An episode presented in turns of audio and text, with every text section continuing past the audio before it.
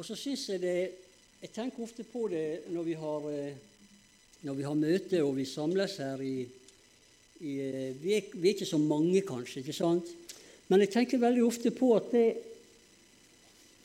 Og det syns jeg er fint å tenke, at det når vi samles her sånn som i dag, så er vi, vi relativt alene, da, men inni denne tidssona nå, når klokka går fra 11 til 12, ned gjennom hele kloden og rundt og opp igjen hit, så er det antagelig flere millioner mennesker som akkurat nå sitter og har gudstjeneste og bare har dette ene eh, for øye. Nå skal vi prise Jesus, skal vi opphøye Han, og skal vi lytte til Guds ord. Flere millioner mennesker samtidig som vi sitter her.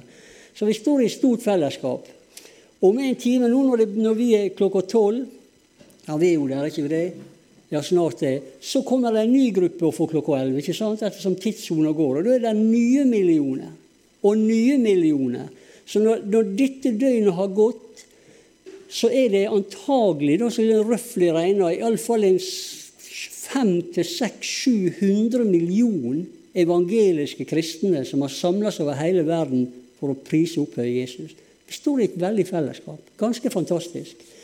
Og jeg, jeg, jeg leste i eh, KS nå, jeg la det på Face, at eh, i Sao Paulo i Brasil jeg vet ikke om dere har merket til det, var et lite stykke Kors og Seier, så hadde de eh, Jesusmarsj i juni, 20. juni. Og da var det holdefast tre million mennesker som gikk i Jesusmarsj gjennom gatene i Sao Paulo. Det er helt ålreit å si ammen, men dere behøver ikke. Jeg kan si det, så er det gjort. Men det er helt fant altså tre millioner i ett tog. Bare for ordens skyld. Og det er ca. halve Norges befolkning.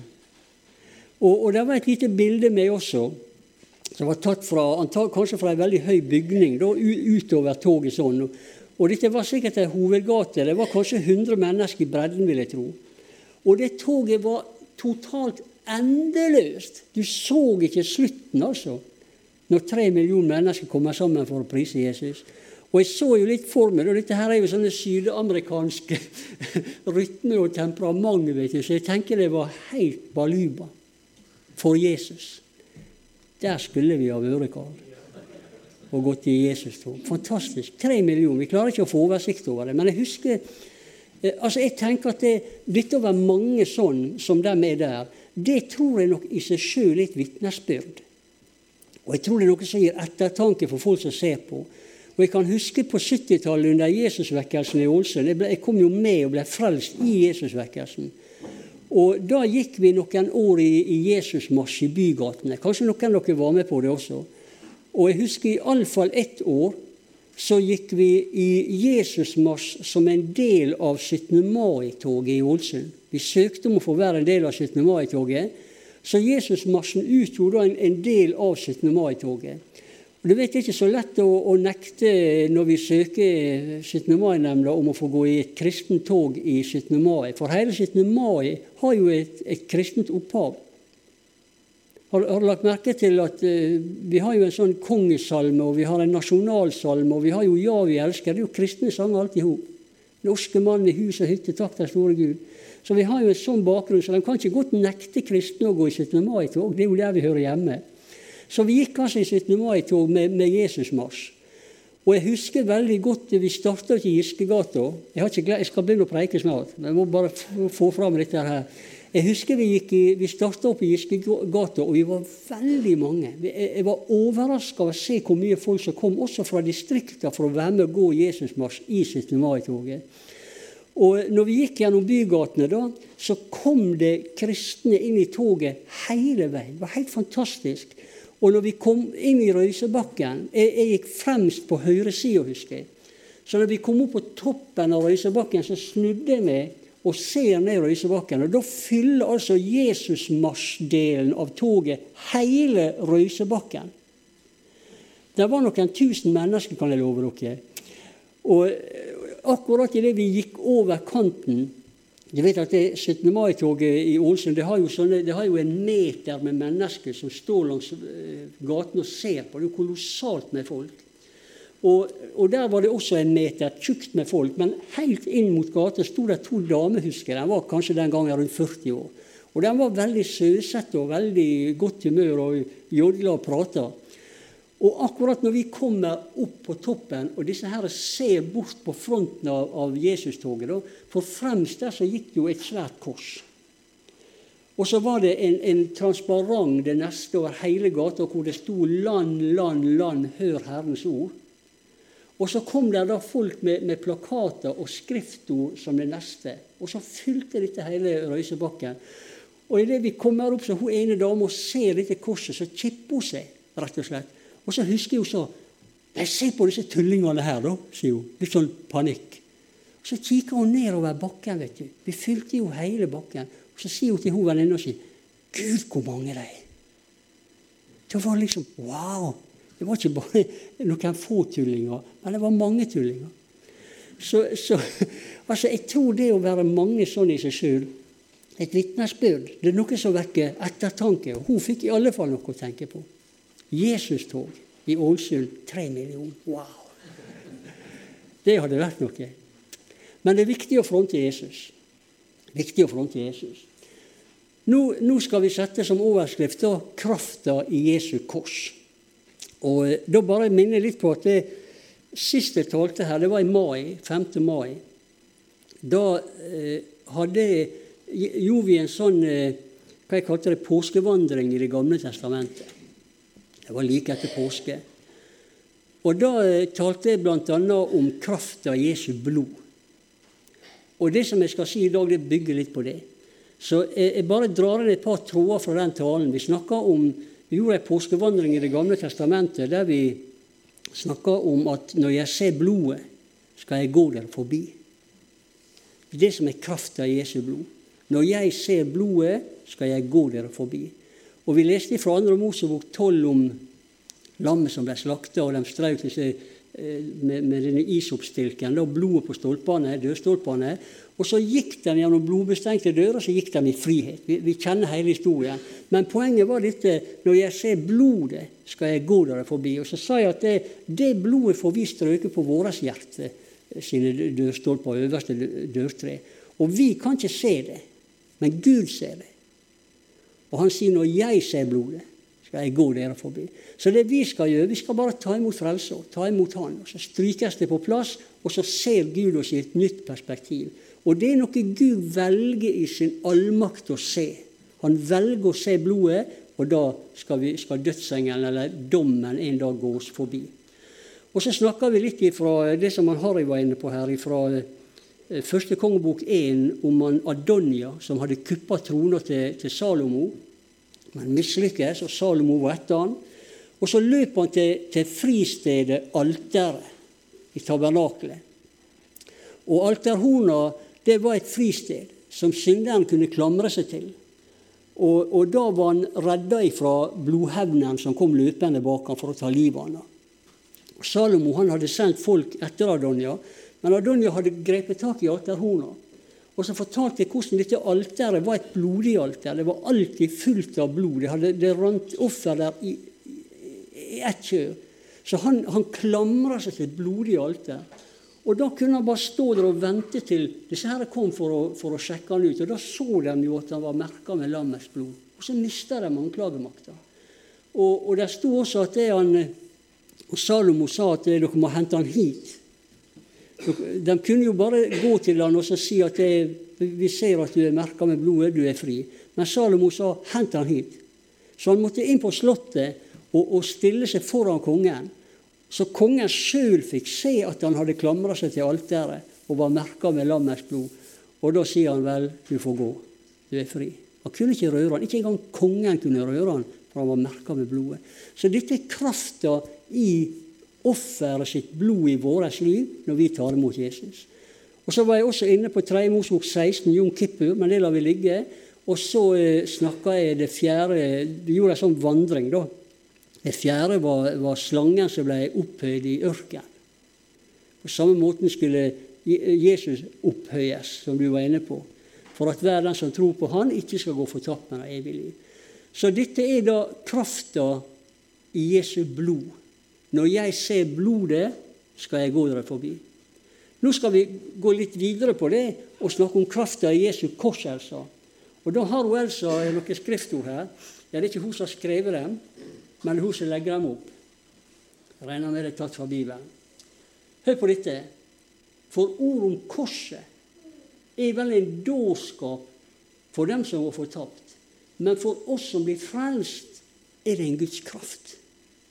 Merkelig nok så, så, så står ikke der én i grunnteksten. Jeg vet ikke hvorfor de har tatt det med, men jeg ser nye bibler har fjerna det. Der står det bare ord om korset er Guds kraft. Her kan du få inntrykk av at det er en av mange, men det er jo ikke det. Ord om korset er Guds kraft til frelse. Eh, du har rett til i 1. Eh, Korinterbrev 2, 2 skal det være. Hvis jeg hadde skrevet 12, så var det feil vers 2. 1-2-2. Beklager. Det er, det er, Paulus som uh, skriver tilbake til menigheten og refererer til da han kom til dem. Og Da sier han for jeg vil ikke vite noe iblant dere uten Jesus Kristus og Han korsfesta. Fordi der er det kraft til frelse. Og så har du Galaterne 6,14. Men det være langt fra meg og rose meg uten av vår Herre Jesu Kristi kors. For ved det er verden blitt korsfesta for meg, og er for verden. Og så har du eh, Romerne 6,6 til slutt. For vi vet at vårt gamle menneske ble korsfesta med Han for at syndelegemet skulle bli tilintetgjort, så vi ikke lenger skal være slaver under synden. Det gamle legemet, mennesket, ble korsfesta med Han for at syndelegemet skulle bli tilintetgjort. Dette er krafta i Jesu kors. Takk skal du ha. Eh, vi mennesker Jeg liker ikke å snakke så mye om synd. Men eh, noen ganger må vi gjøre det. Vi kan ikke forkynne evangeliet uten å snakke om synd. Det, det henger i hop. Men vi mennesker vi har vi har to problemer med synden som ville stengt oss ute fra himmelen. Vi har et dobbelt syndeproblem. Det ene er syndene, altså det som vi gjør. Handlinger, gjerninger, tanker, fantasier. Altså dette som kommer ut. Det er det ene problemet, syndene. Det andre problemet det er synden som bor i meg, som Paulus sier. Altså dette som er selve produsenten av syndene. Så vi har, vi har to problemer med synden.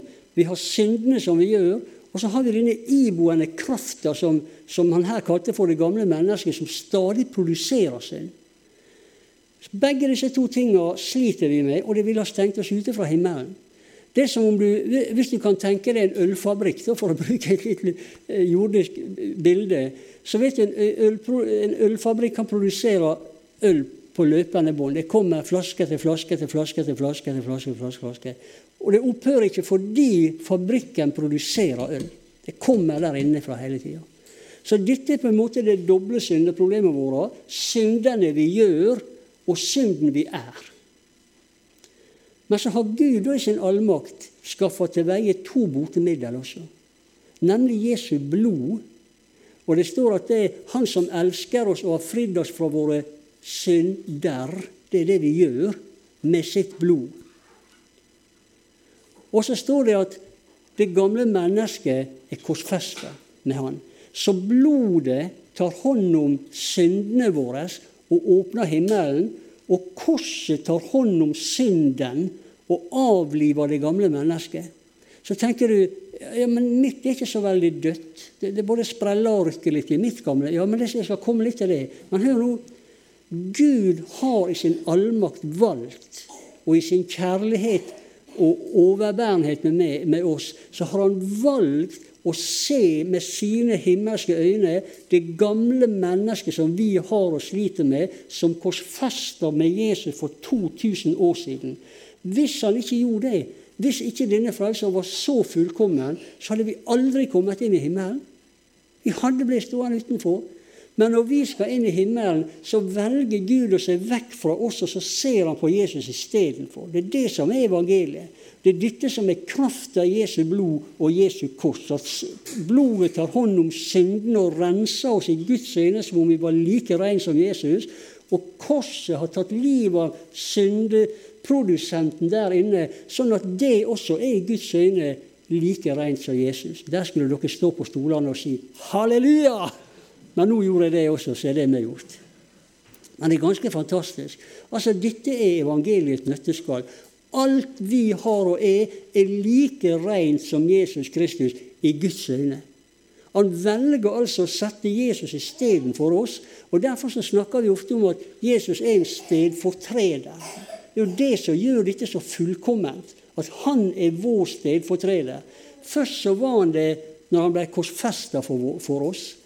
Og så er han det også når vi skal inn i himmelen, at Gud velger å se på han istedenfor oss. Så han er vår fullkomne stedfortreder både i liv og i død. Og dette er noe av krafta i Jesu blod. Halleluja. Jeg vet ikke om du har, har tenkt noen gang, når du ser på deg sjøl og, og, Vi kjenner jo sjøl våre egne tanker, og vi, vi vet hva vi sier, sier i de små, mørke rommene. Dette som ingen ser, fantasier, alt dette her som vi sliter med. Jeg vet ikke om du har, har sett på det sjøl noen gang og tenkt Kommer jeg inn i himmelen sånn som jeg er? Men svaret er jo selvfølgelig gjør ikke du det. Det har aldri vært meninga at du skulle komme inn i himmelen sånn som du er. Det er derfor vi har Jesus, så vi kommer inn i himmelen sånn som Jesus er.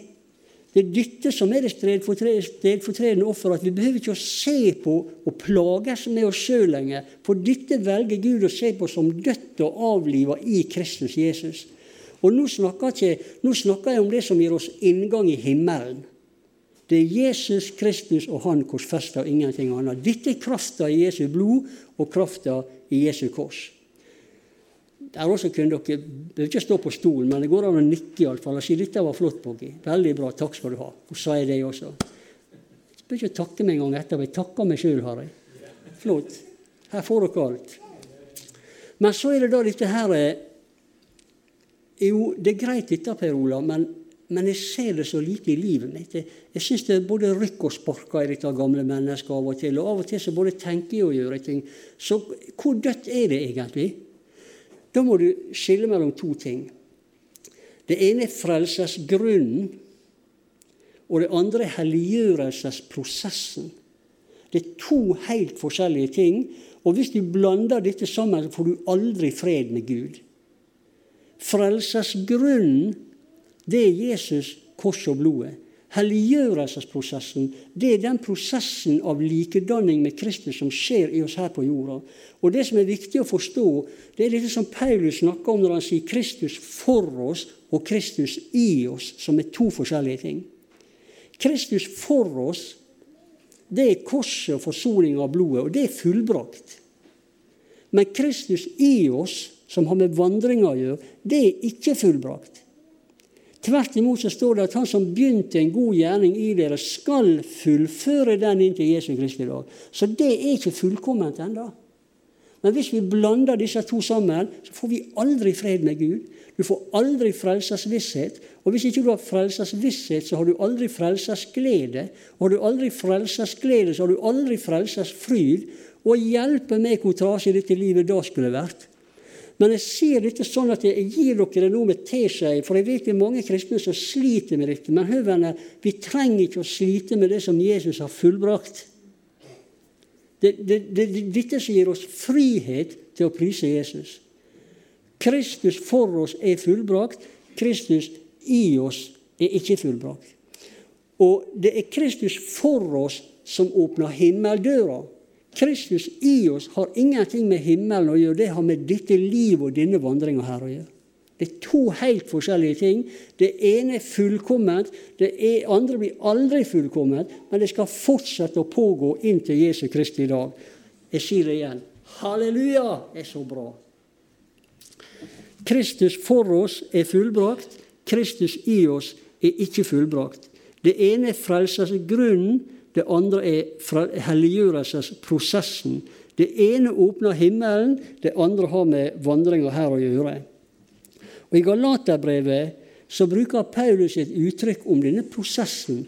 som Han, han sier det sånn at Kristus vinner skikkelse i oss. Du hører at det er en prosess. Vinner skikkelse, det er pågående.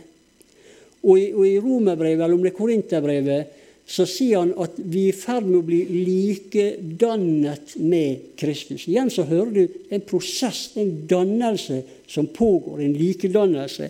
Og det har med dette livet å gjøre. Og det skal ikke åpne himmelen for oss, for den er allerede åpna pga. korset og blodet. Så det ene åpner himmelen, og det andre har med livet og vandringa her å gjøre. Fantastisk. Og så er det det, da, at eh, Som jeg sa, hvis vi blander inn hvis vi blander helliggjørelsesprosessen inn i frelsesgrunnen, så får du aldri fred. Du kommer til å plage deg sjøl. Og du kommer til å lure på kommer jeg til himmelen. Ja, du kommer til himmelen, for det er to forskjellige ting. Og Derfor så sier jeg at det, denne uforståelige nåden og ufortjente nåden, det er noe vi må nyte uten tilbehør. Vi må nyte det aleine. Det er nok til å ha fred med Gud. Jeg, jeg, pleier av og til å bruke et bilde. Det kan hende jeg kan ha nevnt dette tidligere. Men eh, jeg leste dette i en bok når jeg var nyfrelst. Og dette bildet her gjorde at jeg aldri plaga meg sjøl med spørsmål om min egen frelse. Så viktig var dette bildet for meg. Og det, det, det var eh, under krigen så rykte tyskerne inn i et område i Europa og tok det, da. Eh, som de hadde bomma sønder og sammen på forhånd. Og når de rykte inn her, så så de at det, mange av disse eh, bommene hadde ikke detonert. Altså, de hadde ikke sprengt. De hadde bare ramla gjennom hustaket, de fant dem inne i bygninger, eller de sto båra ned i bakken, men de hadde ikke detonert. Eh, og det, var, det er ikke uvanlig med en og annen sånn blindgjenger, men dette var så mange at det var påfallende. Så ved hjelp av serienummeret så sporer de alle disse bommene tilbake til en og samme fabrikk i Tyskland. Og der jobber det en del engelske krigsfanger som, eh, som ikke var så interessert i at disse bommene skulle detonere.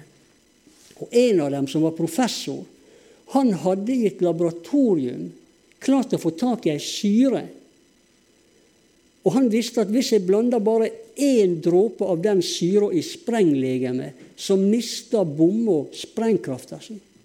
For det vil, det vil gjennomsyre og trekke ut, og bomma vil rett og slett ikke fungere. Én dråpe av den syra, mister hun hele effekten. Fantastisk. Sånn er det hvis du blander det minste av gjerninger, eller hvor mye du går på møte, eller hvor flink du er å lese Bibelen, eller hvor langt du er kommet med Gud Hvis du blander bare litt av det inn i frelsesgrunnen, så mister nåden sprengkrafta i livet ditt. Altså, Du er like herlig frelst, men du får bare ikke tak i det. Bomma detonerer ikke, for du blander inn ting som ødelegger helheten i frelsa. Skjønte dere dette?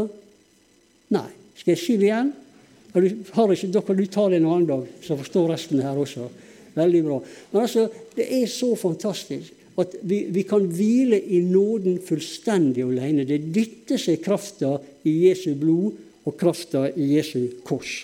Og helt til slutt Når Jesus døde på korset, så sa han jo dette Det er fullbrakt. Og, og for oss, når vi hører det i dag, og alle kristne i hele Norge hører det i dag, så er det tre helt unike ord. Med en gang vi hører noen i en tale, et vitnesbyrd, si 'det er fullbrakt', så kobler vi det til langfredag helt automatisk. Vi ser Jesus på korset, og vi, vi har det bildet. Tenk at det er fullbrakt.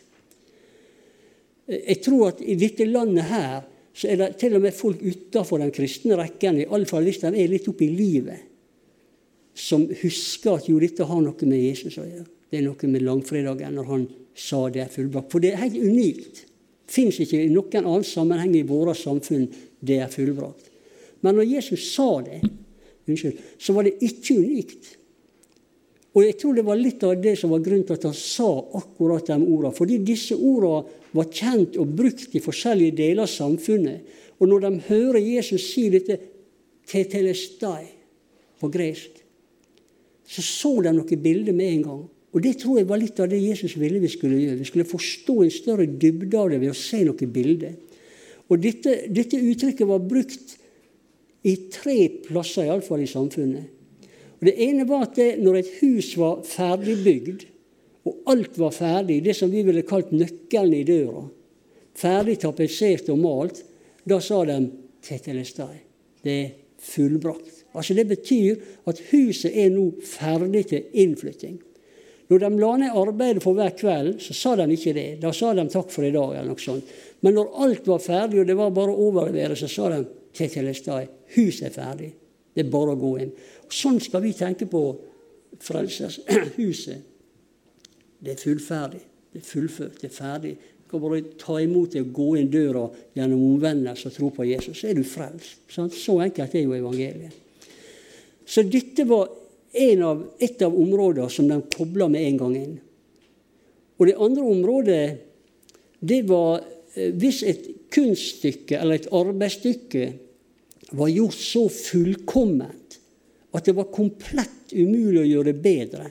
Hvis de kunne si her var det rett mann på rett plass, dette kunne ingen andre gjøre, da sa de også som et sånt kvalitetsbegrep tetelestai. Det er komplett. Det er fullstendig ferdig. Det er ingen som kan forbedre det. Og det forstår vi jo også. Jesus har gjort det fullkomment. Trenger ikke å legge to pinner i kryss. Det er bare å ta imot. Alt er ferdig. Og så det siste, det som jeg syns på meg personlig kanskje er det største, det er det at det, hvis, du, hvis du satt i gjeld, og du, du, måtte begynne å betale på ei gjeld F.eks. si at du lånte 10 000 kroner. da, så betalte du 1000, og så strøk de over 10 000, og så satt de 9000. Og så betalte du nye 1000, og så strøk de over, og så satt de 8000. Og sånn betalte du ned gjelda. Og når gjelda var nedbetalt og alt var ute Vi skriver jo 'betalt', men de skrev 'Tetelestai'. Og så signerte begge to. Og så betyr det 'gjelda er betalt, du er gjeldfri'. Og i våre tilfeller er jo det vi som betaler ned. Men i dette tilfellet er det han som betalte alt. Og så skrev han 'betalt'. Tetelestai. Vi er fri. Jeg husker enda første gangen jeg, jeg satte meg selv i gjeld til banken. Det var en bil, husker jeg. Jeg tror det var 12 000 kroner. Jeg syntes det var forferdelig. Det plagde meg i månedsvis å holde på å betale på den gjelda. Jeg glemmer aldri Jeg tror jeg har det gjeldspapiret hjemme enda. Eh, jeg glemmer aldri når jeg fikk gjeldspapiret tilbake fra banken, og det var kryssa over med tusj.